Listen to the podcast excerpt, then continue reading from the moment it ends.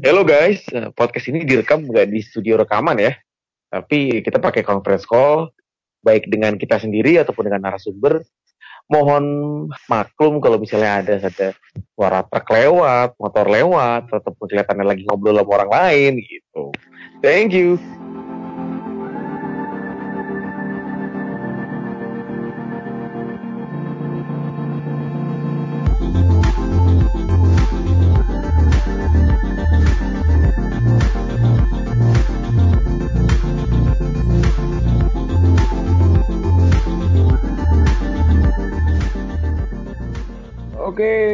Kembali lagi di Mister Kewang Podcast episode ya episode berapa ya?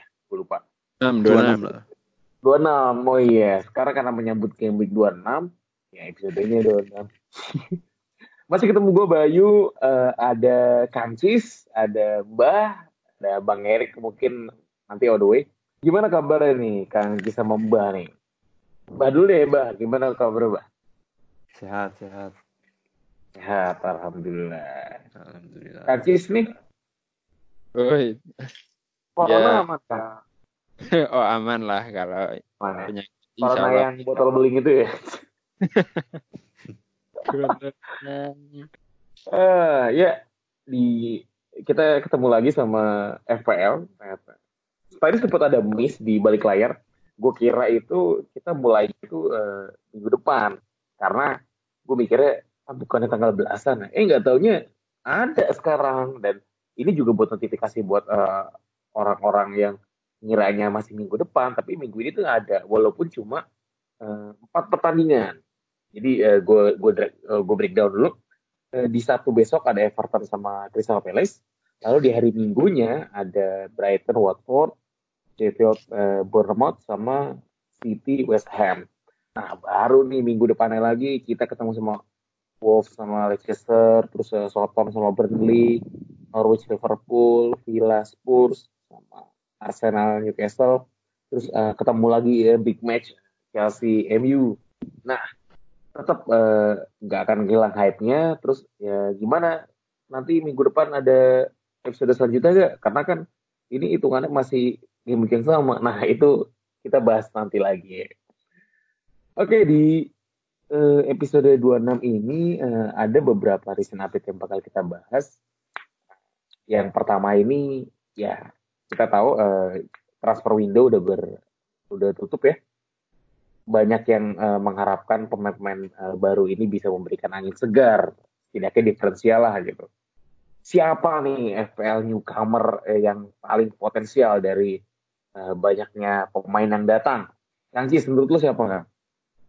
Wih, ada siapa aja sih? I, ada yang pastinya si Igalo tuh, Igalo, Bruno, terus Halo, Bruno.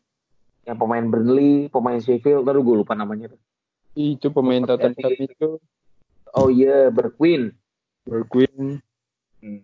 eh kalau untuk dari nama-nama yang ada sih, mungkin baru kebayang dua ya. Yang pertama ya Bergwijn itu ya udah membuktikan ya kemarin bisa cetak gol lawan City. Dan memang di PSV dia mainnya sayap sih, sayap. Iya, sayap. Jadi Dia timnas Belanda juga kan? iya Belanda. Iya.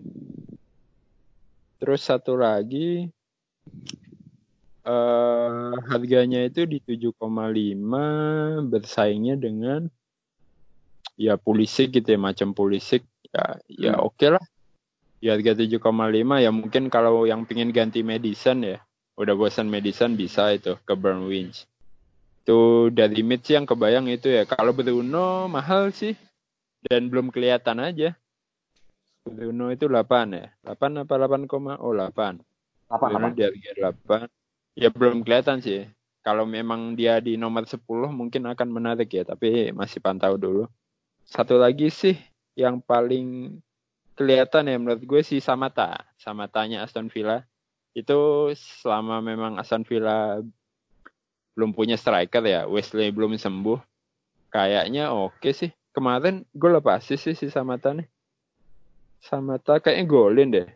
Kemarin itu walaupun Aston Villa kalah ya, Aston Villa kalah lawan Bournemouth, Samata udah nyetak gol perdana. Jadi untuk striker harga 6 diferensial oke okay. cuma itu game week 28 blank. Jadi mungkin bisa disiapin untuk double game week selanjutnya ya. Itu sih yang kebayang. Mbah ada nama lain nggak mbah? Pemain baru. Pemain baru. Rasa lama mungkin Igalo ya.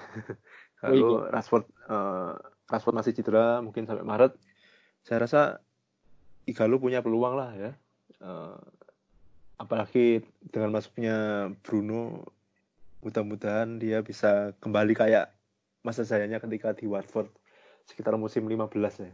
Tahun 2015an bisa lah harusnya. Sebagai pelapis. Murah sih 6 ya 6,5 ya. 6,5 ya? Udah muncul Cuma. ya kan harganya ya kayaknya udah Igalo udah. Hmm. untuk harga 6,5 main di MU terus selama Rashford cedera seharusnya menarik ya tapi ya balik lagi ini MU pemain pemain-pemain yang biasanya kita harapkan ngasih poin gede ternyata ngeblank ya MU lah kayak gini itu berarti si Martial digeser ke mana tuh om? Martial ini kalau misalnya Igalo main ya Martial balik ke posisinya Rashford. Rashford kan kiri udah. Iya kiri. Kanannya James biasa. Menarik menarik.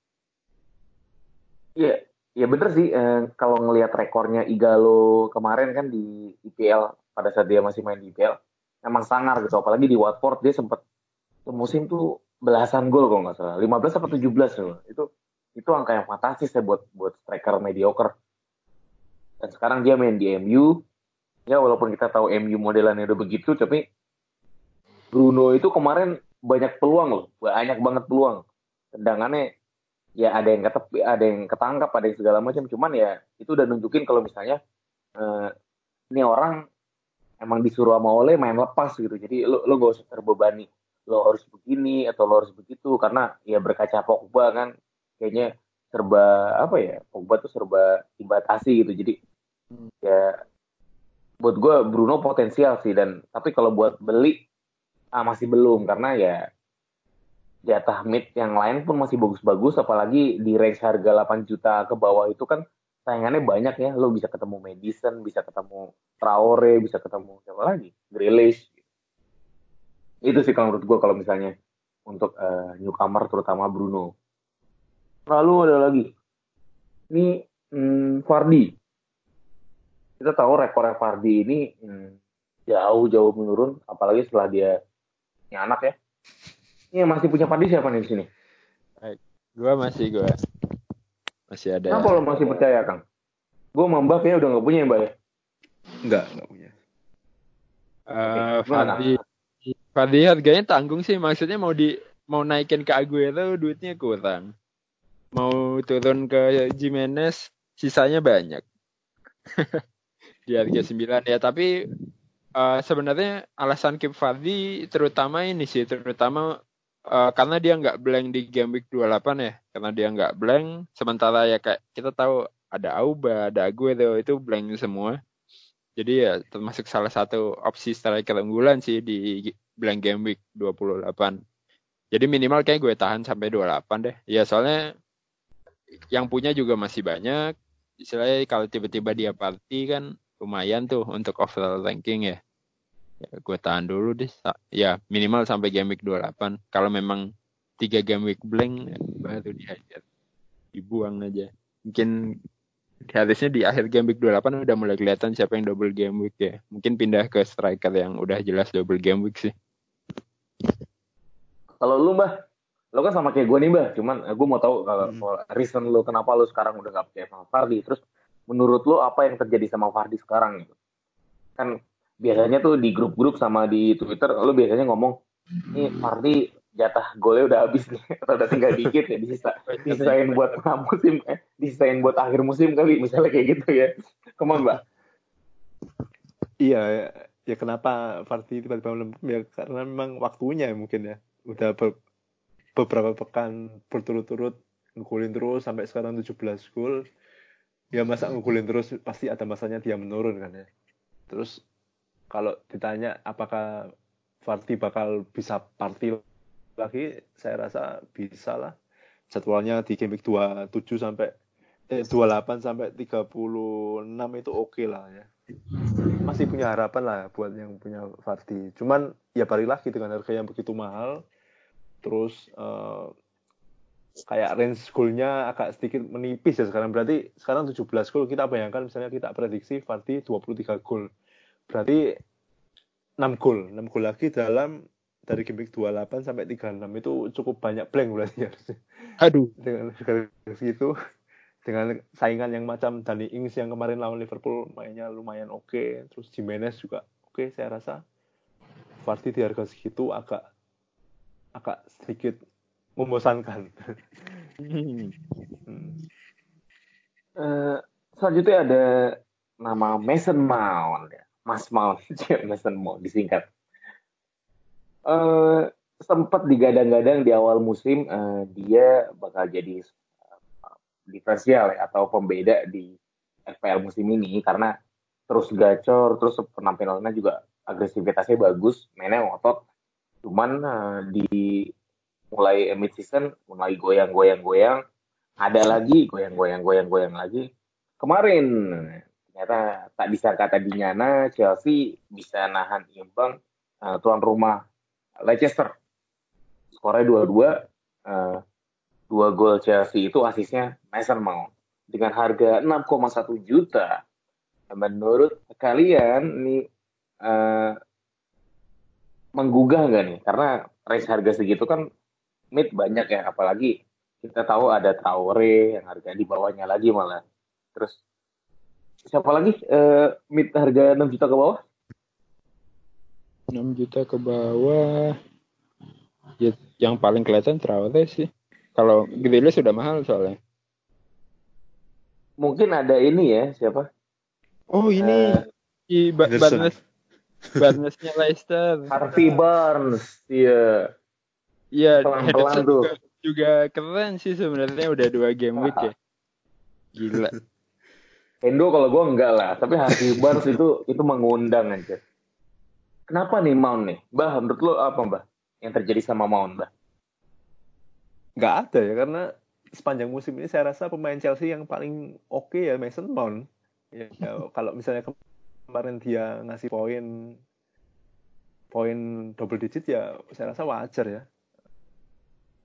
Cuman kan kita nggak bisa berharap dia ngasih poin tiap pekan. Cuman ya balik lagi harapan itu ada karena sampai saat ini saya rasa Mason Mount adalah pemain Chelsea oke okay ya penampilannya jauh ini sampai pekan ke 25 ya dibandingkan pemain-pemain yang lain macam Temi ataupun William saya rasa Mason Mount lebih oke okay secara keseluruhan jadi saya nggak kaget sih kalau Mason Mount ya kemarin double digit ya.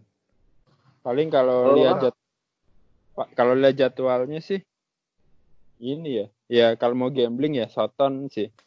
Soton siapa? Hmm, Redmond atau Wardprowse itu juga bisa nemenin Ing sih harusnya untuk beberapa game ke depan. Juga nggak blank ya di game week hmm. 28 blank. Dan emang ijo-ijo. Ya kalau Ing sih wajib ya kayaknya ya. Karena emang mainnya oke walaupun nggak ada poinnya kelihatan yang lawan Liverpool kemarin juga mantep banget peluangnya juga banyak nah mungkin teman-teman di belakangnya sih kayak Wattos ya kuat gue sih Wattos sih soalnya emang 5,8 set piece juga ya bisa lah jadi alternatif kalau dibandinginnya sama Mount ya ini ceritanya. YWP boleh juga. Uh, abis ngomongin uh, Mount tadi, kita juga tahu uh, ini ada salah satu pemain harga harga hemat sih harga hemat yang mulai menonjol nih karena uh, nggak tahu kenapa ya cuman gue sih masih biasa aja sama nih pemain Jordan Henderson Hendo Harganya masih 5,4. Eh, 5,4 itu harga turun loh. Harga aslinya itu 5,5 juta. Cuman di eh, tiga game week terakhir ini eh, poinnya lumayan. Ya dia pun kapten Liverpool juga. Satu gol satu assist, eh, lalu absen, eh, lalu kosong, lalu satu gol satu assist juga. Eh, menurut lo Kang, eh, ini pemain eh, bisa jadi eh, gimana ya? bisa mempertahankan uh, kualitasnya nggak buat uh, beberapa game ke depan apalagi Liverpool hmm. lagi uh, nunggu-nunggu momen juara kan oke okay, Liverpool jadwal oke okay. jadwal mantap momentum juga oke okay. ini soalnya masih belum juara ya masih belum juara um, cuman yang jadi problemnya adalah kalau kalian cuma punya jatah pemain Liverpool 3 apakah salah satunya Henderson ya kalau misalkan unlimited sih oke okay sih maksudnya ambil back double atau mungkin kalau Mane belum sembuh ya, Mane belum sembuh ada Salah, ada Firmino, terus ada Henderson. Kayaknya sulit ya untuk apa ya justifikasinya uh, punya tiga pemain Liverpool, salah satunya Henderson. Itu aja sih, karena karena memang banyak potensi di lini lain walaupun lebih mahal ya. Cuman kalau emang ngejar peringkat sih ya boleh dicoba lah. Tapi ya kita tahu Henderson ya central middle field ya. Maksudnya nggak terlalu menyerang juga. Tapi ya terbukti sih di dua game di dua game week ini game week 24 eh ya 24 dan 25 double digit semua. Jadi ya cukup oke sih mungkin kalau mau gambling sampai juara ya itu ya coba aja ya tapi sayang slot aja sih kalau slot cuma tiga, banyak pilihan ya Liverpool. Ya, ya ngomongin Liverpool, gue jadi kepikiran buat double deck Liverpool, tapi nggak ada pilihan lain. Eh, karena ya, oh, iya po, poin di bawah gue udah mulai ngejar ke atas. Uh, ya mereka mengandelin double deck Liverpool. Cuman ya, ya mungkin nanti ya pada saat gue mulai ngaktifin wildcard. Mbah udah wildcard, oke. Okay. Gue nanya lu kan Cis, Lu kapan WK kira-kira? Masih on the track sih di game week 32 habis Oh, game week 32 ya. International Break. Kalau kalau uh, gede eh sorry uh, ini di luar ini. Dengar-dengar tiga game apa game week 31 tuh ada blank game week juga, bener gak? Iya, itu kayaknya udah hampir pasti deh, hampir pasti ada dan cukup besar itu minimal ya. Minimal cuma tiga tim yang tiga match yang main. Udah match.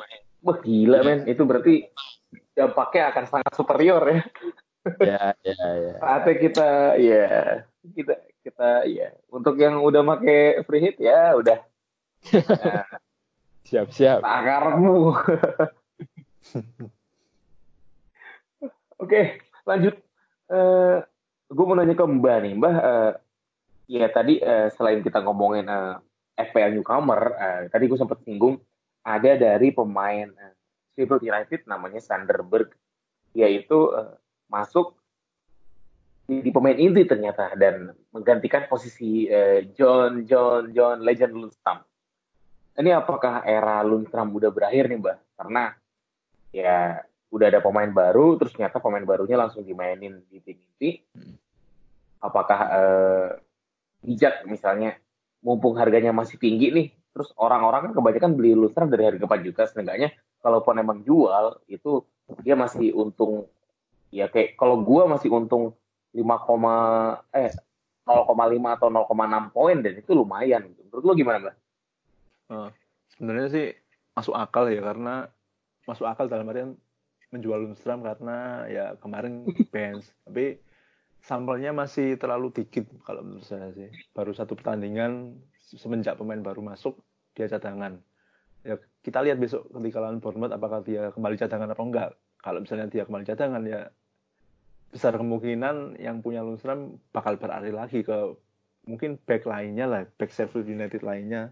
Egan, Egan. Dok ataupun Stevens. ya kan? Saya rasa masih harus nunggu uh, sampai besok lawan Bournemouth ya Om.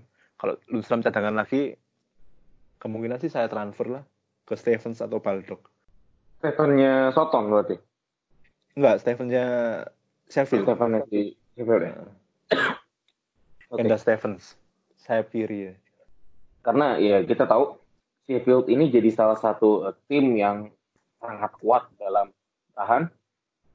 Uh, kenapa gue bilang gitu? Karena ya rekor bertahannya ini lumayan bagus kayak kemarin ternyata nggak nggak disangka nggak dinyana kan dia bisa clean sheet dan eh, ke depan eh, walaupun ada blank game week di 28 tapi potensial mereka tuh masih sangat oke okay, ya.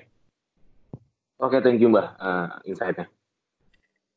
Ini uh, beberapa waktu yang lalu kita sempat uh, nyinggung Bang Erik terutama yang repop kayaknya.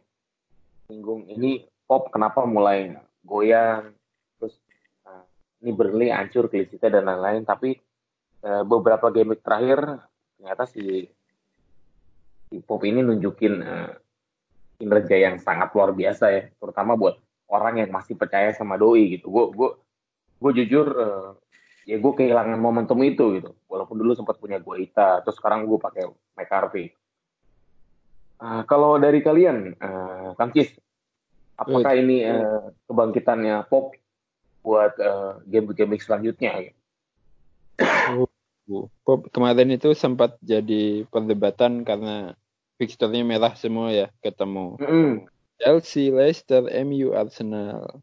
Kemudian banyak tuh pop jual pop ambil siapa mungkin Henderson atau uh, Reina atau Ryan, siapa? Ryan Ryan Ryan nah uh, ternyata dijawab tuh sama Nick Pop dari game week 23 dia poinnya oke okay sih 12 10 dan 6 itu 12 itu gara-gara save penaltinya Fardi ya.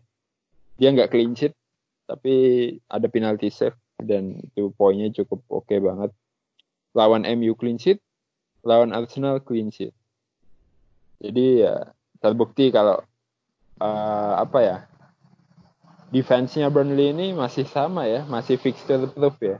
Maksudnya mau dia lawan tim yang yang secara fixture merah ya peluang clean tetap tetap oke. Okay. Nah, ke depannya ini dia lawan Southampton, Bournemouth, Newcastle ya sebenarnya cukup mudah lah dibanding yang kemarin. Nah, takutnya Pop ini poinnya gede kalau lawan tim-tim yang kuat takutnya nih. Jadi ketika lawan Soton sama Bournemouth mungkin bisa jadi malah nggak clean sheet.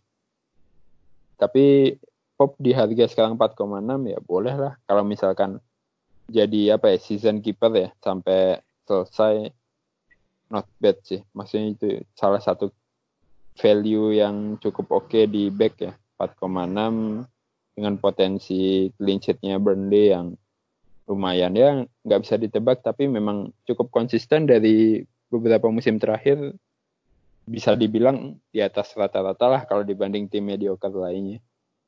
Lu ada yang mau tambahin bah soal pop?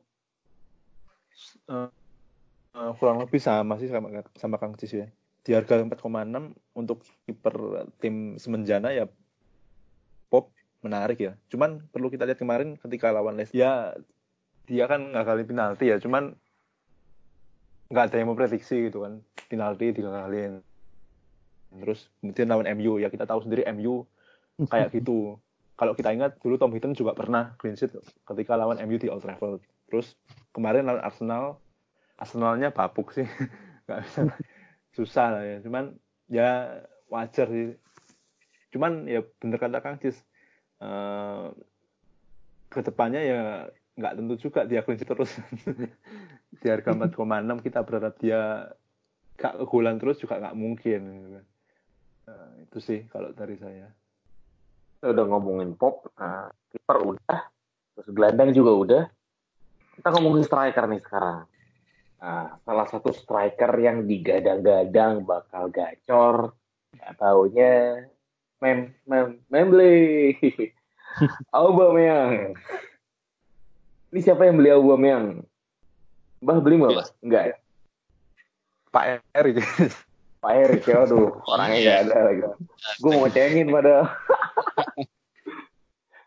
Gila, kenapa ya? Apa karena uh, ini? Apa karena skemanya si Arteta ini udah mulai uh, ngebuat Arsenal nggak terlalu Auba sentris? Karena kita tahu dari pas Unai Emery ini Auba tuh jadi salah satu fokusnya Arsenal buat menghasilkan gol. Sekarang kan mereka punya Martinelli, terus ada Ketia, bagus-bagus tuh pemain mudanya uh, ada nggak mbak menurut lo mbak apa apa lo punya pemikiran lain? Uh, menurut saya sih Obama masih punya harapan ya karena kita lihat kemarin dia penampilan perdana setelah dia hukuman kan jadi dia udah dua hmm. kali gak main terus kemarin main sekali blank lawannya Burnley ya agak susah juga cuman kalau prediksi saya dia tetap bakal bisa eh, ngasih poin-poin lebih sih kalau kita lihat jadwalnya sangat-sangat oke okay ya Arsenal ya.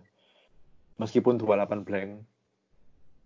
Tapi saya rasa Auba masih punya harapan karena ya selama Arsenal bisa ngegolin ya paling enggak Auba punya peluang lebih lah buat kasih peran asis atau gol lah.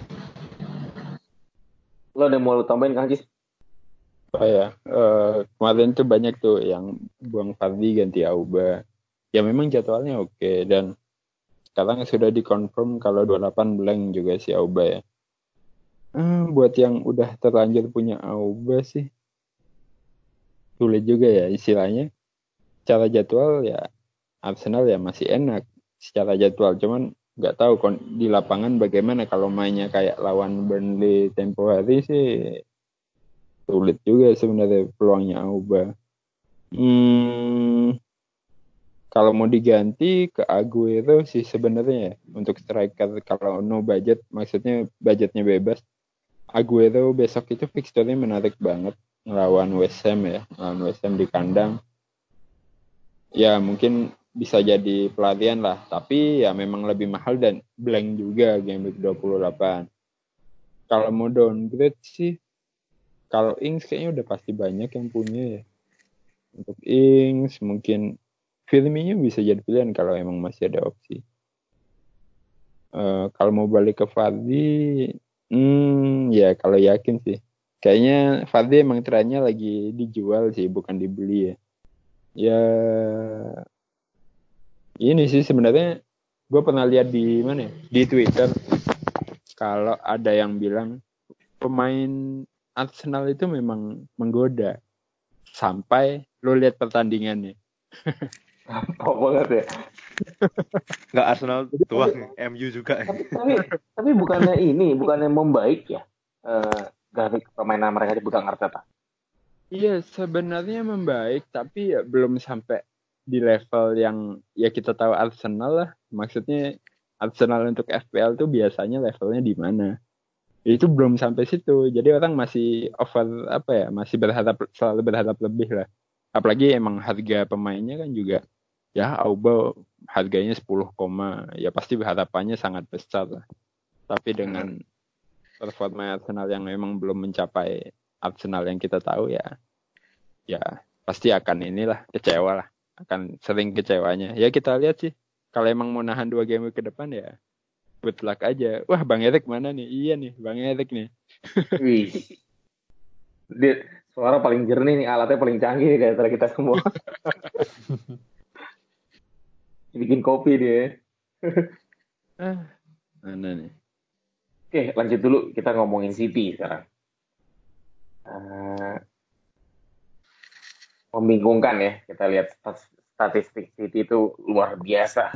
Uh, kemarin lawan Spurs Spurs diobrak abrik segala macam. Cuman memang uh, beberapa serangan Spurs ini terbukti efektif. Dan City hilang fokus karena ya mereka mana ya, ya lo lo nyerang terus nendang-nendang terus Aguero tuh parah men itu peluangnya banyak banget anjir hmm. gak ada yang masuk uh, dan ya kita tahu uh, ini akan sangat berdampak sama rotasi karena pasti faktor kelelahan, faktor stres, terus ya buntunya permainan pasti kan butuh-butuh uh, darah segar ya darah segar. Apalagi uh, Leroy Sané udah balik nih. Nah kira-kira uh, siapa pemain City paling aman selain Kevin De Bruyne dan uh, apakah uh, kembalinya Leroy Sané bisa memberikan dampak le lebih positif lah setidaknya mereka bisa bersaing. Karena gue pernah baca di koran nah, si Pep Guardiola itu ngomong kalau misalnya City begini terus ya dia khawatir nggak tembus uh, Liga Champion malah. Karena ya itu persaingan di bawah tuh kan mulai panas juga nih. Chelsea uh, MU lalu ya kita tahu Spurs juga gitu. Karena like dia sama Leicester kan juga poinnya nggak gede kan selisihnya. Menurut lo gimana mbak uh, pemain lain selain De Bruyne ya? Mungkin Mahrez ya, ya. Mahrez atau Aguero ya. Karena Sterling cedera yang kabarnya bisa sampai tiga pekan absen. Kemudian Mahrez bisa menempati posisi Sterling harusnya ya. Kalau kita lihat formnya Mahrez musim ini lumayan. Semenjak dia sering starting dia memberikan harapan buat uh, kita ya. Kalau misalnya pengen ganti Sterling ke Mahrez di harga 8,5 lumayan lah. 8,5 main di City. Cuman ya balik lagi kalau kita ambil Man City ya resiko tentang penumpang ya. Uh, tiba-tiba nggak main. Dan jadwalnya besok juga lumayan berat. Setelah West Ham lawan Leicester terus kemudian blank. Terus lawan MU di kandang di kandangnya MU yang saya rasa nggak nggak mudah harusnya ya lawan MU di Old Trafford agak susah sih kalau saya lebih milih De Bruyne aja mungkin selepas game week 2 3 2 mungkin baru kepikiran mungkin double atau apa. Oh oh oh Fernandes Bruno Winter break dampaknya terhadap PPL apa nih Kang? Winter break. Oh ya, game week 26 besok ini kan. Ya. Buat yang belum tahu ya. Nah, ya gue belum tahu nih. Tadi udah di uh, tadi lo yang ngejelasin. Jadi uh, di game week 26 ini kan dibagi nih. Minggu ini Oh itu namanya ada, winter break ya? Sorry. Ya itu, ya itu, itu namanya. Ya ini kayaknya baru musim ini deh. Emang baru musim ini. Oh gitu ya? Gak sadar. Ya, jadi memang di pertanding di minggu ini cuma ada empat match dan enam match lagi di minggu depan. Tapi semuanya masih dihitung jadi satu game week ya. Jadi ini bukannya blank game week, ini semuanya masih game, serangkaian game week 26. Cuma memang waktunya terpisah satu minggu. Dampaknya buat FPL apa? Ya mungkin secara waktu istirahat jadi lebih panjang ya. Tapi tergantung mereka mengisi waktu istirahatnya untuk apa. Kalau ngisinya ada laga persahabatan gitu ya capek juga sih sebenarnya. Tapi kalau emang emang buat istirahat sih ya itu istilahnya untuk ya mungkin ada pemain yang cedera terus karena ketunda satu minggu ya mungkin sudah bisa pulih di pertandingan selanjutnya.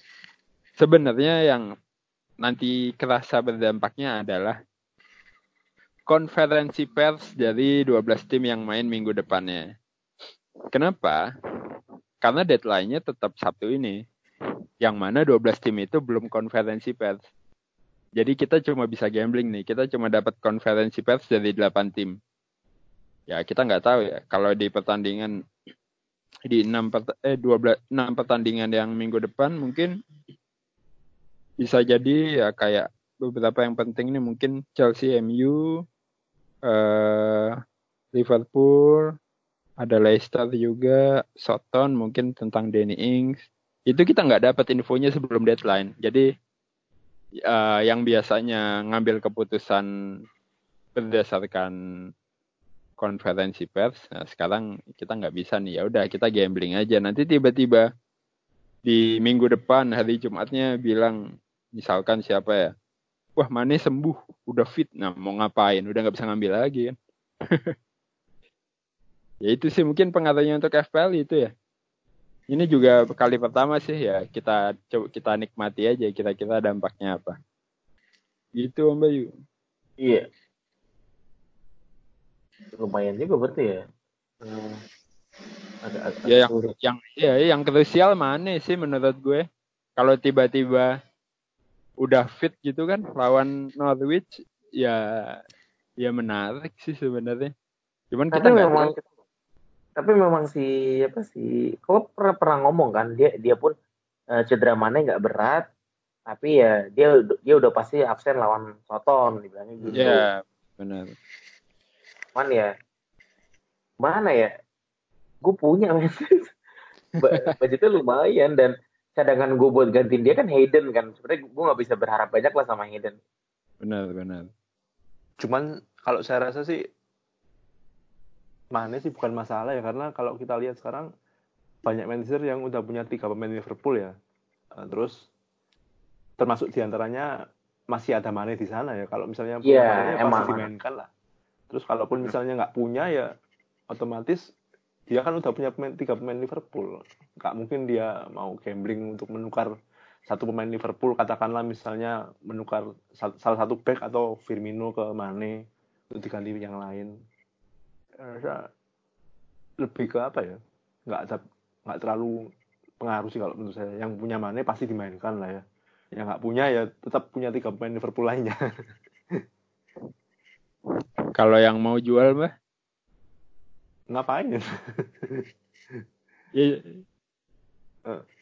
Benar ya itu mungkin ya kayak sayang uangnya kalau memang belum pasti hmm. main gitu loh. Ya ya tapi ya, kalau memang niatnya udah mau ya dipasang sampai akhir musim ya ya udah. Benar sih, ditinggal aja. Nih uh, kita tahu um, kan depan kan ada big match Chelsea lawan MU di kandangnya Chelsea. Ini bakal jadi tepat uh, bakal jadi pertandingan memperebutkan peringkat keempat. Nah, kedua tim masih eh, struggle menurut gue. Cuman eh, struggle-nya MU tuh jauh lebih berat gitu. Karena dia ditinggal salah satu pencetak gol andalan, terus eh, pemain andalan pula gitu. Dan datangnya Bruno menurut gue mungkin butuh adaptasi ya. Dan selanjutnya Bruno kan bukan striker gitu. Ya, kita kita akan lihat Igalo juga. Menurut lo, bah ini bagaimana persaingan antara Chelsea sama nah, MU terutama Chelsea nggak datangin pemain satu pun yang ngebuat Lampard kayaknya nah, misu-misu apa ya? Chelsea lawan MU ya? Chelsea lawan MU ketat sih. Seri lah kayaknya. Seri lah kayaknya. Apa ya? Untuk kalau untuk ke depannya? uh, ke depannya. Ke depannya mungkin terawangan lu kira-kira yang lolos Liga Champion di antara dua nama klub tersebut siapa nih pengennya dua-duanya ya cuman ya susah ya ada Spurs ada Leicester MU kayaknya MU kadang susah diprediksi ya tiba-tiba tiba-tiba pas kita berharap dia terpleset tiba-tiba malah nggak terpleset saya rasa MU bisa lah empat besar lah harusnya kalau Chelsea rasanya lima besar udah puas lah kayaknya fansnya. MU empat besar lah. Amin. Amin. Ini pembahasan kita udah habis. Nah, kira-kira uh, apa yang mau diomongin lagi? Apa ya? Kapten dulu kali. Kapten. Oke, pemilih ada apa gue ya? Lo dulu deh kan, gue gue bingung kan. Iya. Kapten, kapten, kapten. Game week 26. Prediksinya masih sama sih. Maksudnya kapten sejuta umatnya masih salah ya. Salah ya. Karena lawan Norwich. Uh, pasti salah.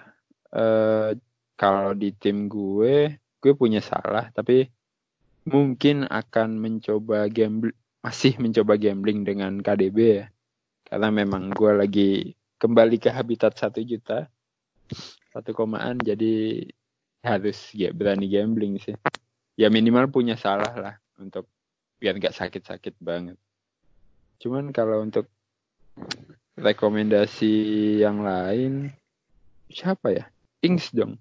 Denny Ings itu kayaknya ya kalau ngelihat mainnya lawan tim-tim gede ya mungkin wajar ya nggak mencetak gol tapi memang shootnya juga banyak gitu loh. Cukup membahayakan. Dan ketika Ings dapat jadwal yang enak sih harusnya bisa lah dimanfaatin.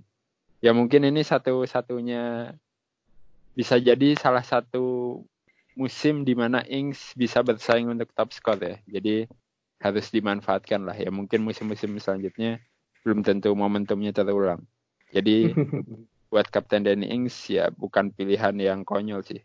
Bisa dicoba. Lalu siapa nih, Mbak? Kan ini agak susah ya Om ya karena jarak pertandingannya jauh ya. Saya membayangkan misalnya saya kapten pemain yang main pekan ini misalnya tanggal 8 atau tanggal 9 tiba-tiba blank terus kemudian harus menunggu satu pekan lagi untuk menantikan kapten tim lainnya untuk bersinar. Susah. Terus misalnya kalau saya pemain Aguero atau KDB nih maksudnya. Mungkin. Terus kalau misalnya saya saya kapten salah atau Mane tiba-tiba Mane ternyata nggak fit atau salah kemudian tiba-tiba waktu liburan kakinya kepleset waktu jalan-jalan kan misalnya tiba-tiba nggak main agak susah ini. Mungkin yang punya saya salah sih kayaknya. Tetap salah kayaknya. Cuman ya agak takut tadi itu ada kejadian-kejadian nggak terduga tiba-tiba dia nggak main. Kali eh, juga lama. Hmm. ini kukunya numbuh ya mbak jadi cantengan itu mungkin aja terjadi. Cantengan. Cantengan. Salah sih. Atau atau yang nggak punya mungkin Aubameyang kayaknya. Aubameyang lawan Newcastle kayaknya bisa lah. Kalau Mane keluar gue tertarik ini Son. Cuman kan dia black game week ya Son ya. Son enggak ya? Enggak. Tottenham sama. Nah, nah gue gue kepikiran Son untuk uh, Mane ganti uh, KDB dulu misalnya. Kenapa mbak? Mau tanya nih Om, Om Bayu kan punya Mane ya, Mane. Terus Hmm. otomatis kan pekan ini kita nggak mungkin dapat kabar resmi kabar Mane kan. Terus Hmm. kalau Om Bayu gimana? Tahan atau lepas kira-kira? Aku punya jatah dua transfer. Uh, uh, agak bingung juga gitu. Tapi uh, feelingku sih enggak lah, aku aku keep lah. Karena uh, sebenarnya timku tuh nggak nggak parah-parah banget kan gitu. Aku punya tiga striker yang main home si Ings, uh, Calvert-Lewin sama Aguero, terus tengahnya juga Seenggaknya masih ada De Bruyne sama Salah dan penasaran juga nih Martial nih karena kemarin Martial main banget kan. Aduh jelek banget tuh MU tuh. Dan dia mau gimana, Martial pasti bakal terus dipasang oleh karena oleh nggak punya pilihan banyak gitu. Hayden ya so-so lah. Mungkin bisa jadi aku mainin ya tapi tetap keep lah mbah pasti tetap keep agak berat sih buat buat buat di out nah, karena kalaupun misalnya aku jual nih contohnya ya. Aku jual eh, ganti son aku nggak punya beli eh, duit buat buyback lagi. Berat jadinya kan. Tapi ya ya kita lihat lah son son menggoda banget nih. Mane sekarang harganya 12,2 oh gila mahal banget ya. Gue beli waktu harganya masih masih 11, apa 11 11 jutaan kok. Weh, untung iya, banyak. untung banyak. Iya, enggak, iya ma masih 11, koma ini mbak, masih 11, koma enaman kalau nggak salah. Iya, 11, koma. Hmm. Sekarang tuh di, di gue harganya 11, koma berapa nih? 11,8 berarti na gue naik uh, 4 oh, lumayan agak berat juga 11 eh 11,8 Hmm. Tapi sebenarnya kalau misalnya Mane fit kemudian main itu peluang ya sebenarnya karena kepemilikan Mane sekarang agak menurun ya 21 persenan ya. Bukan peluang lagi, Mbak. peluang sih. Iya, itu udah bober lah gitu. Rekor away-nya Mane kan bagus juga kan gitu. Di awal musim tuh malah uh, gue lebih percaya Mane buat buat buat away. Lagi ketemu Norwich ya. Hmm. Uh, terima kasih banyak buat uh, pendengar yang udah nontonin, eh nontonin, dengerin uh, Mister Gawa Podcast. Jangan lupa kritik dan saran apa pun yang mau kalian sampaikan, komen lah atau uh, kritik atau segala macam lah. Langsung aja ke Twitter kita di @mistergawangpod.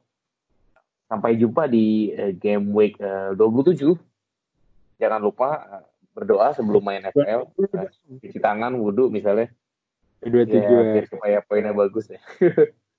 Thank you semuanya. Hati-hati yang lagi di jalan. Salam-salam sama keluarga. Assalamualaikum warahmatullahi wabarakatuh. Salam panajam.